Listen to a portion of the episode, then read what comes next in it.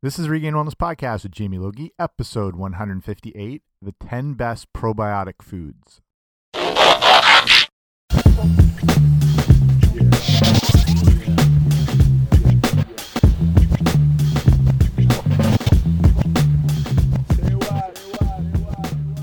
Hey guys, what's happening? Welcome back to the podcast, or welcome if you're here for the first time. I'm Jamie Logie. I run regainedwellness.com, and you've arrived safe and sound at the Regained Wellness podcast. So thanks for coming on out today and talking about focusing on gut health, but specifically looking at the foods and things you want to include to improve your overall gut health and your microbiome and the good bacteria versus the bad bacteria. And I'll touch on why that's important but then focus on the things to include and why they're so beneficial. So hopefully get you up to speed with everything gut health, which I think is a, a big relevant topic right now. Is it's probably one of the bigger, not discoveries, but um, you know how they they map the um, you know human DNA, and then now they're studying of the the microbiome has been one of the biggest advances in science, and seeing how that's related to a lot of overall health and brain function and diseases and all sorts of stuff. So, very interesting thing.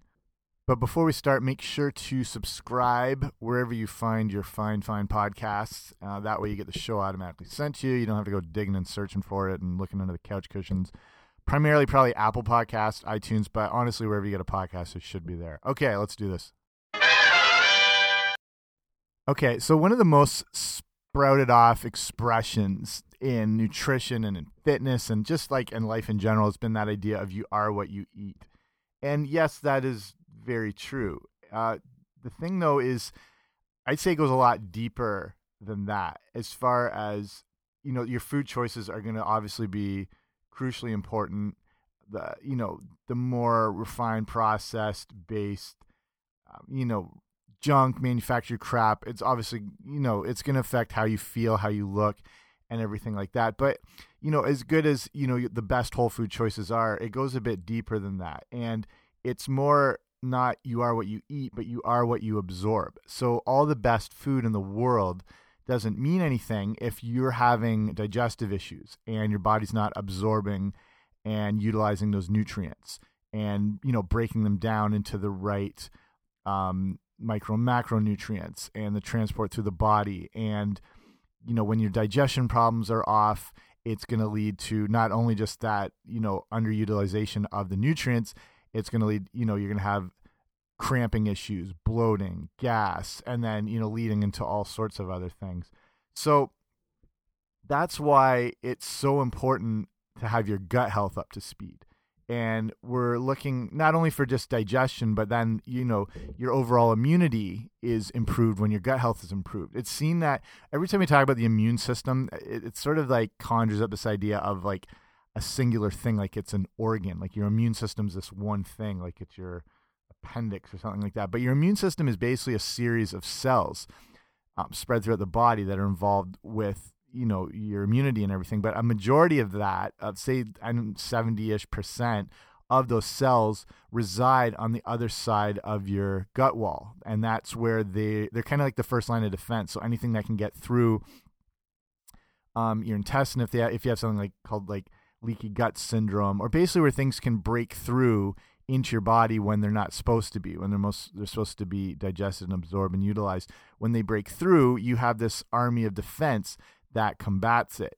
And that's you know that's your immune system working. It's meant to shut down those things. But you know over time too much stuff or things that your body doesn't recognize um, right away or it starts to get used to them or it starts even recognize similar things like that that exist in your own body like your own tissues and then it turns on itself and then you get autoimmune disease so i mean your immune system's one whole big thing that's always functioning and working. So that's why, you know, the whole issue of digestion is so important.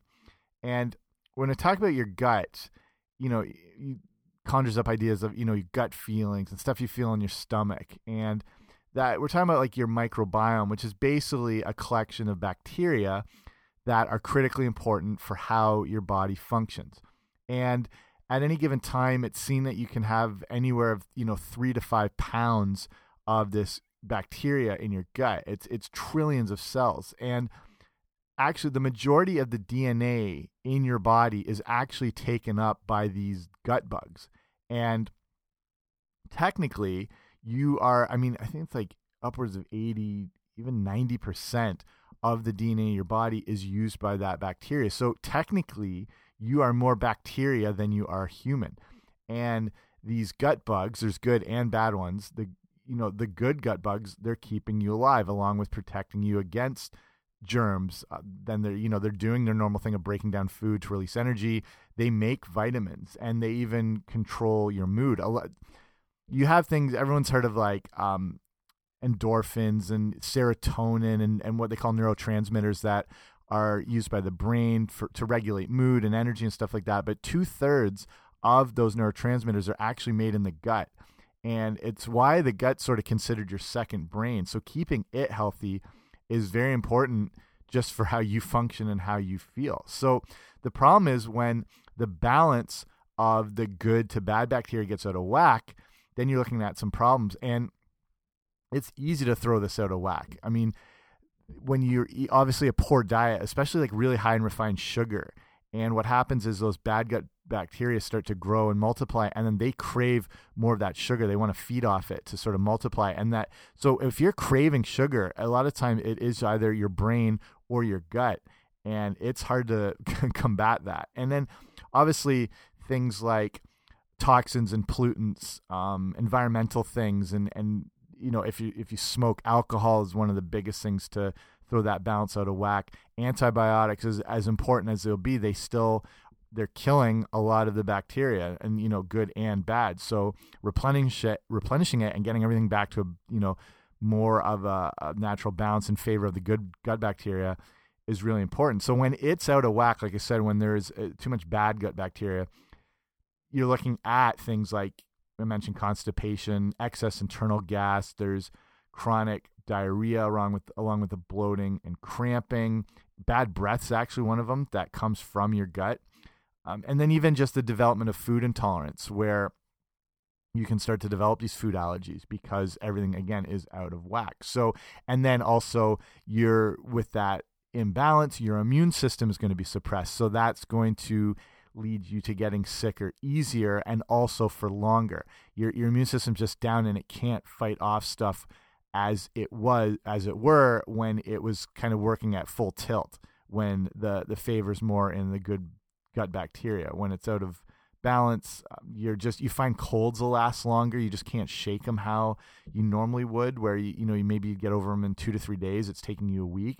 That might be one of the signs your you know your gut bacteria is not um, in good balance. So um, again a big thing as well lack of physical activity is going to switch that um, in favor of the bad gut bacteria. And then, you know, not getting enough sleep, high stress level, a lot of things that we can control, we're doing to ourselves and creating this really inhospitable environment that's affecting your complete overall health, how you function, how you look, how you feel, and everything like that. So that's why now we're looking at what probiotics are. And probiotics, again, like I say, this whole gut health thing is a is a big popular issue. I think everyone is aware of probiotics. They're a little more prevalent now in products, and manufacturers are you know making sure to promote that their product contains it. I mean, obviously yogurts are popular, and I'll touch on that in a bit. Uh, but I mean, I've seen probiotic chocolate bars, probiotic granola bars where they're adding in these strains. You can obviously take supplement versions of probiotics. Probiotics are basically live microorganisms that like we're talking about can improve your gut health when they're consumed in adequate amounts and they can balance things out better and put things more in favor of having a overall healthy microbiome or um, healthy gut bugs. So there are a lot of different types and getting a wide range of these things is very beneficial because you know along with your overall health and the things like the digestion and absorption of nutrients you know it's your overall health your digestion tract's going to run better. It's going to help um, think like digestion things with like fiber so your blood sugar levels will be a little more stable when your body can process things. Your immune system will be boosted. So probiotics are something you want and you want to get as many good gut bacteria as possible. So that's now i want to look at some of the different sources of these things. The first one, I mean, these are combinations of food and um, beverages. You'll see what I'm talking about. The first one's going to be kombucha, which is probably right now, I would say, the most popular form of getting uh, probiotics in. And in case you haven't had kombucha, it's a fermented beverage that's filled with probiotics. It's made from sweetened black or green tea, and it's I've done a whole episode on kombu on kombucha and the process of production and everything. So I'll link that up if you want to go to the show notes. So it's regainedwellness.com slash 158. And I'll put all these things I've been talking about and I'll put that episode up. But basically, what they're doing is they take a, a thing called a SCOBY, and it looks like a little sort of rubber white hockey puck, and it stands for um, symbiotic culture of bacteria and yeast. And that's kind of like what starts the whole process. And when you have one of these things, it sort of carries on the production. So, I mean, if you know a little bit about fermentation and beer and wine and stuff like that, when you add in um, you know, you start with a product that's just like in this case, green tea or black tea, and you add sugar in, and then you add these yeasts and these bacterias. They basically they gobble up the sugar and kind of burp out and exclude, um, or sorry, push out carbon dioxide and fermentation and a bit of alcohol. And that the fermentation process is where all the good stuff happens, and it's where foods or drinks are transformed into having all these natural um, microorganisms and probiotics and everything like that. And in the case of kombucha, it does technically have alcohol, but like minimal trace amounts. So I mean, you could give it to a kid, and it, they're not going to end up dancing on a bar with a lampshade on their head or something like that.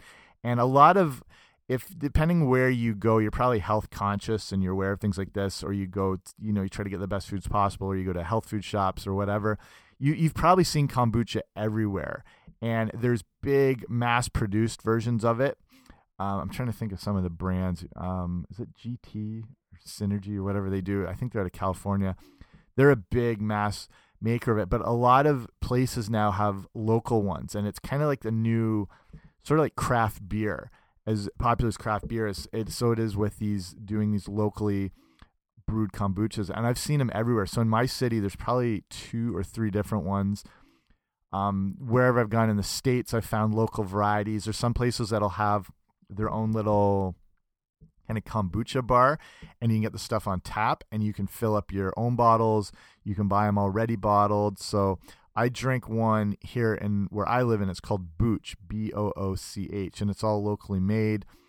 Um, they're getting local or, uh, ingredients, they're getting organic ingredients, and that's the thing. No, no matter where you find kombucha now, there's a real passion behind it, and it's a real health product. So they're not cutting corners. They want to get the best things possible. So like there's versions like I drink my favorite one's a ginger one and they use like organic ginger that is grown nearby. Like these things are as clean as you can possibly get.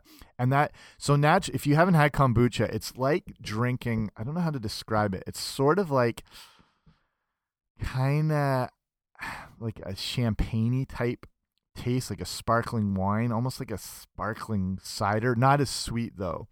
Um, hard to describe. But the thing is, there's so many versions now where these different other healthy ingredients are added in. Like I said, the ginger. There's I'm just thinking like I've had chai ones. I've had ones that have like sort of a greens extract, so they have sort of a pepperminty flavor. There's ones that have like berry extracts, ginger roots, which are really good, like a natural root beer. So it's actually hard to find a regular plain kombucha, but that's like the closest I could describe it, like a sparkling sort of cider. Um, not overly sweet, not bitter. It, I don't know. It's it's interesting, and like I said, it's easier to get now, and it's a lot cheaper to find too. Whereas, um, whatever size bottles, I, I I just noticed the prices of like cut in half basically with it. So with kombucha, I mean, it's a drink. You can have at any time. There, there's various debates on the best way to use it, and a lot of what I've seen is it's better to have it on an empty stomach because then that way it's more focused on the gut and the microbiome and improving the gut bacteria, the good gut bugs.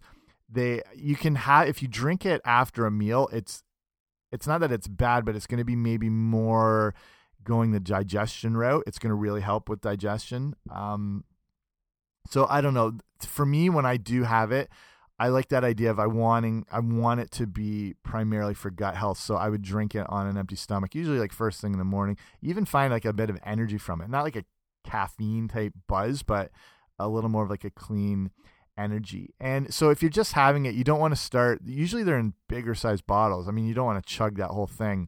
I would start with just like four ounces, and you know slowly sip it. You don't want to throw it all back in one shot unless that's your thing and then you know gradually have a bit more but you don't need to be drinking like bottles and bottles a day just start with this basic amount.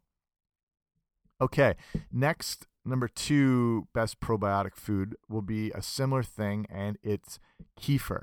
And this one's a little more foreign but it's the same sort of concept. It's a fermented milk beverage and it sounds really weird and it kind of, i guess it really is weird too. Um it's starting with a, like a milk and, and uh, the cleanest type version. And it's made with what they call kefir grains, which are like little green things, but they're not an actual grain. It's they're basically strains of bacteria. And then they give the with the the natural, you know, lactose and milk sugars, it, you know, like I said before, it eats the grains and the sugars, it eats them up and then it puts out carbon dioxide in the fermentation a little bit of the alcohol gives that that little bit of carbonation, that light light carbonation, and then again all the probiotic com- content that comes from the fermentation process. Um, so again, I've done a whole show on kefir. I, if you want to listen to way more in depth on how it, it's kind of interesting, like how it's made and produced and um, everything like that. So again, regainedwellness.com slash one five eight, and I'll have all those other episodes up there. So with kefir it comes in different packaging and the ones I've used come it looks like a, a larger yogurt container. And it's got some of them will have like a foil rounded top and covering on the package because it is carbonated. It, it's you know a little bit under pressure and when you open it up it sort of releases some of that. And it sometimes it can come in bottles. It depends where you get it from. So there again there's unflavored natural versions, but I find those even hard to find. I find more flavored ones like a yogurt. It'll have like a berry flavor or raspberry or whatnot, but it's just it's like a thin yogurt that's got some fizz to it.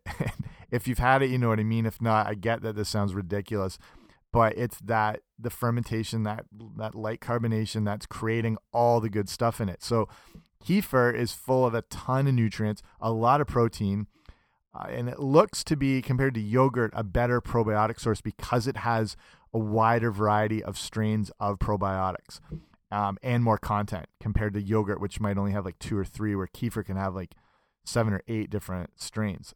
And you can use it a lot of different ways. I personally would use it sort of as a cereal thing. Like if I'd I'd get good granola, or sometimes I'd make my own granola, and I'd sort of eat it as a cereal. It's got that weird, again, that sort of fizz taste to it. But I'd have the ones that have the raspberry flavor, so it's it's not bad. You can use it as some ways I hadn't even thought of, and seeing what people use it for, like as a marinade. It works well um, if you're using more of a plain variety. Works as a salad dressing. Again, that's something I never thought of. Um, and it's even used in baking and it can be um, a good substitute for things like buttermilk or whatever. So I've seen recipes for muffins and cakes and all sorts of stuff. So I didn't even realize it was that versatile, but can be used for quite a bit.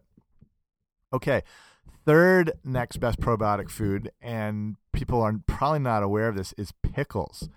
And with pickles, you know, basically you're just looking at cucumbers that get pickled in salt and water and they're left to ferment because the, the cucumbers contain their own lactic acid bacteria. So when you throw these all together, the salt, the water, that natural lactic acid, and let it ferment, it creates pickles. It's pickled it. And people have been pickling things for thousands of years and more of a, pr a preservation way a, a, to you know preserve their foods but probably unbeknownst to them that they were creating this very healthy thing so the difference is finding the right type. When you get pickles that are made with vinegar, they're not going to contain the probiotics, but traditionally made pickles will do that. So you're one I mean this is something you can make at home. It's it's the easiest thing in the world and people do this. I'm sure your grandparents or great aunts and uncles do this, and they have a basement full of pickled foods. So, I mean, if you have to, just look at a quick YouTube video on how to do it. It's just, it's the simplest thing. So that's we're not looking at a cheap knockoff commercial variety that uses a vinegar type pickle. We're looking for a natural one, which is just that simple combination of the water, the cucumbers, the salt, and whatever. So we know what these can be used for. There's a multitude of ways to use pickles. So it's if you like them. I'm not a fan, so I I just don't touch pickles. That's not my thing. But if you do like them, you know you can throw them on anything. You can throw them in salads. You can do them on burgers, whatever. So probably one of the most versatile of all these options here. They give you a lot of the probiotics as well as vitamin K, which is important in um, with your blood and with how it like curdles the blood almost, so it doesn't. It, it's vitamin K is like a supplement that is technically it has to be sort of like a prescribed thing. Uh, it's not a commonly used one, but when you get it in these kind of sources, you get more of a natural content and, and sort of a minimal amount. So you're getting um, a better intake. And with pickles, they're actually really low calorie, so they're a good choice again. You know, obviously avoid the deep fried variety. Who, whom I think, oh, Snooki, Jersey Shore. If you've watched that, that's a whole pickle issue. So a surprising choice, but uh, very usable and very helpful. Okay, the next one, number four, best probi probiotic food is miso. And I'm sure most people know this. I'm sure you're aware of it.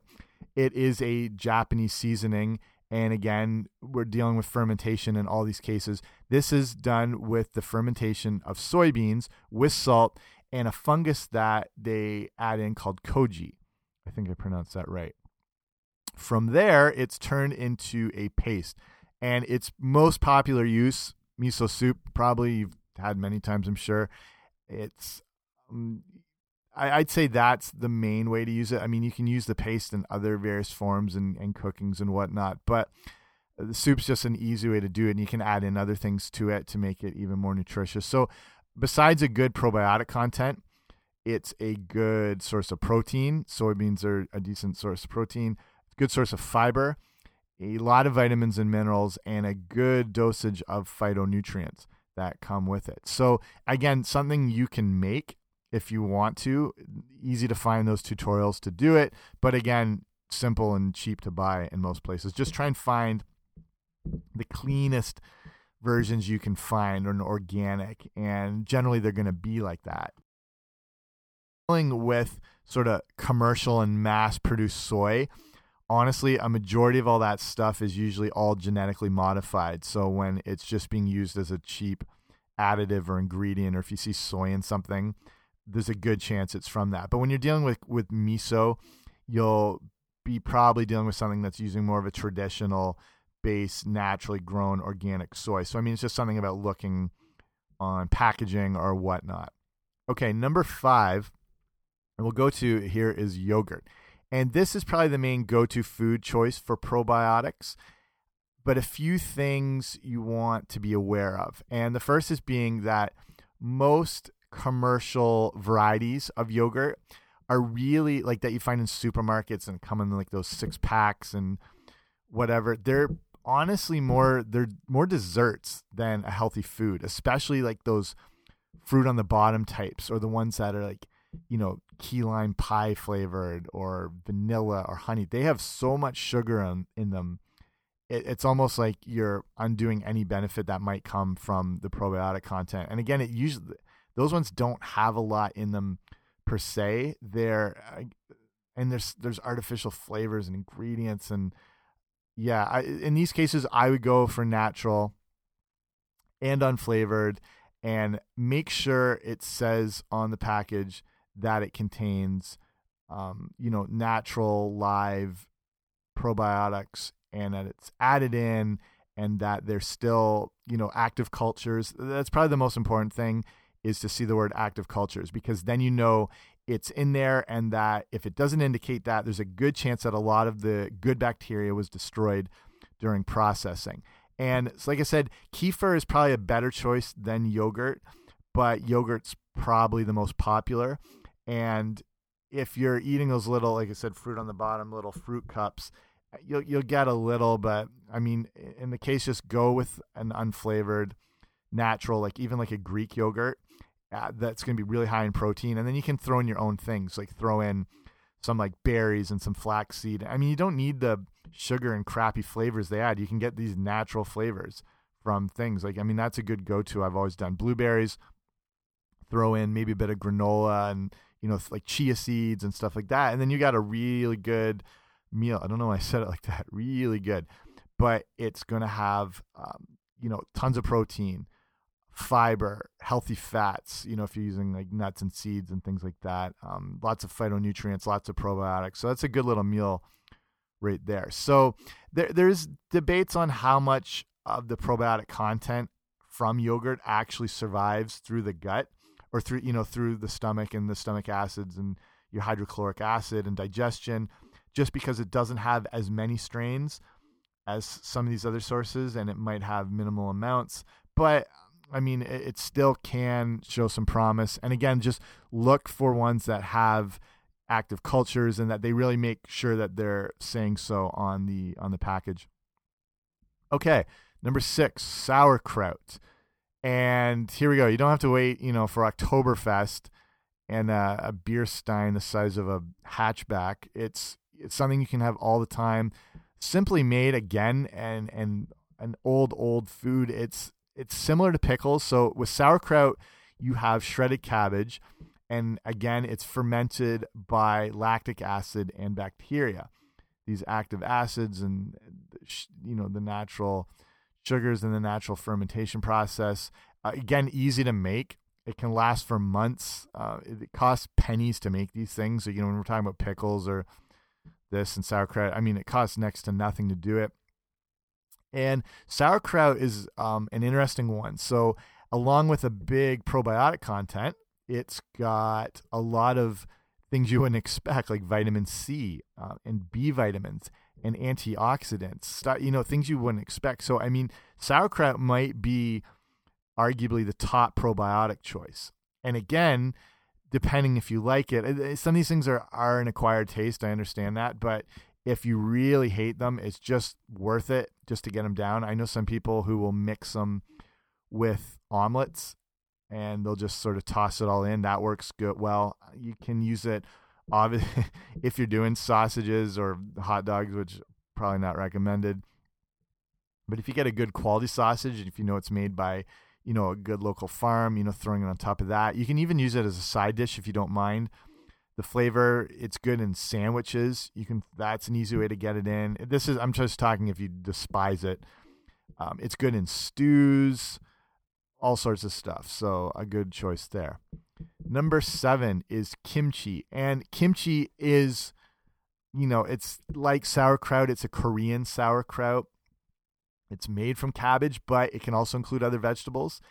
A bit of a difference here, though. It's seasoned with things like garlic. It's got ginger. It's got red chili flakes. Usually, it's got salt.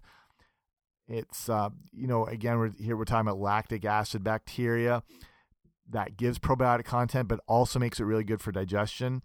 Uh, in the case of kimchi, it's got you know vitamin, vitamins, minerals, and iron, which is um, a nice addition into the whole mix there. Okay, number eight, and I'm guarantee most people don't know this, but dark chocolate, and so I'll have to explain it here. So. It, dark chocolate contains fiber, and we're talking specifically real good dark chocolate and a minimum of 70% cacao. And you ideally more upwards of 90 and that's when you know when the chocolate starts getting a little more bitter it's got more of that you know phytonutrient antioxidant content.